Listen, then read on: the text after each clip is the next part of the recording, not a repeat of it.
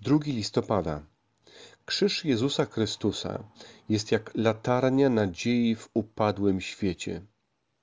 Życie nadzieja przebaczenie i przemiana naprawdę są możliwe. Splamiony krwią mesjasza krzyż nie tkwi w ciemności moralnej porażki. Nie jest smutnym symbolem planu który się nie powiódł nie głosi przesłania że dobro zostaje zmiażdżone ręką zła. Nie odbiera nadziei na zmartwychwstanie tym którzy wierzą. Krzyż nie jest wielkim symbolem porażki odkupienia. Nie może nas zawstydzać. Powinien być w epicentrum naszej chluby. Zobaczmy co mówi na ten temat apostoł paweł List do Galacjan, czwarty rozdział, szósty rozdział, czternasty wiersz. Co zaś do mnie, niech mnie Bóg uchowa, abym miał się chlubić z czego innego, jak tylko z krzyża Pana naszego Jezusa Chrystusa, przez którego dla mnie świat jest ukrzyżowany, a ja dla świata. W splamionym grzechem świecie naprawdę nie ma wielu rzeczy, którymi moglibyśmy się chwalić. Jako grzesznicy ocaleni przed sobą samymi przez potężną łaskę nie mamy wielu powodów, by prężyć dumnie pierś. Wszyscy stanowimy studium przypadku miłosierdzia i nie jesteśmy bohaterami. Cały świat wokół nas jęczy pod ciężarem swojego upadku. Historia ludzkości byłaby wręcz straszną i ponurą opowieścią, gdyby nie toporne drzewo śmierci na wzgórzu Golgoty. Była to, mało prawdopodobna sceneria na zwycięstwo, które ma zmienić bieg historii ludzkości. Miejsce egzekucji wydaje się ostatnią lokalizacją, której można by szukać nadziei miejsce, w którym zabity został jedyny niewinny człowiek, nie wydaje się najlepszą lokalizacją do wzbudzania radości i chwały. Na tym jednak polega paradoks chwały. Śmierć to brama do życia. Beznadzieja staje się drzwiami do nadziei. Słabość jest miejscem, w którym odnajdujemy siłę. Z niesprawiedliwości wypływa miłosierdzie. Życie pochodzi, przychodzi do tych, którzy zasługują na śmierć. Porażka staje się zwycięstwem. Koniec jest tak naprawdę początkiem. Ze smutku rodzi się wieczne świętowanie. Grób staje się początkiem nowego życia. Nierealne paradoksy odkupienia stają się regularnymi działaniami łaski przemiany. Do, do melodii cierpienia wyśpiewywana jest nadzieja. Na instrumentach śmierci grany jest utwór życia.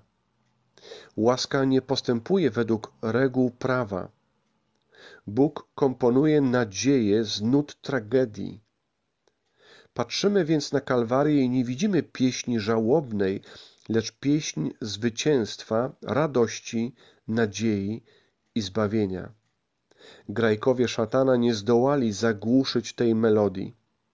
Śpiewane przez tłumy zbawionych pieśni nadziei nigdy nie ucichną. Stają się coraz głośniejsze, coraz pełniejsze radości i chwały. Ich tematem jest krzyż, a wypływające z niego miłosierdzie staje się pięknym refrenem to krzyż Jezusa Chrystusa daje nam powód do nadziei, śpiewania nowej pieśni, świętowania i życia.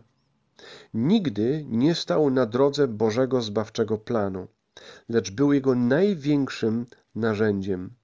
Jeszcze raz, krzyż nigdy nie stał na drodze Bożego zbawczego planu, lecz był jego największym narzędziem. Nigdy nie był porażką, lecz zawsze wyrazem zwycięstwa. Dla zachęty i dalszego rozważania Księga Objawienia, piąty rozdział.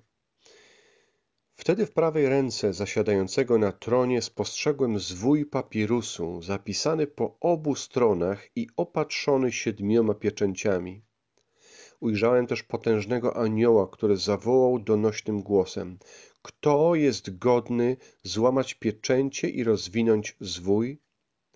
Ale nikt, ani w niebie, ani na ziemi, ani pod ziemią, nie mógł go rozwinąć i ani nawet patrzeć na niego.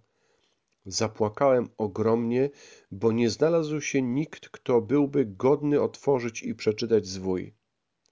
Ale jeden ze starszych pocieszył mnie. Nie płacz. Oto zwyciężył lew z pokolenia Judy, potomek Dawida. On może rozwinąć zwój i złamać siedem pieczęci.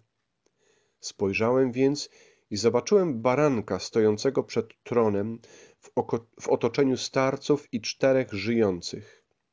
Miał na swym ciele rany, miał też siedem rogów i siedmioro oczu, czyli siedem duchów Boga rozesłanych na całą ziemię.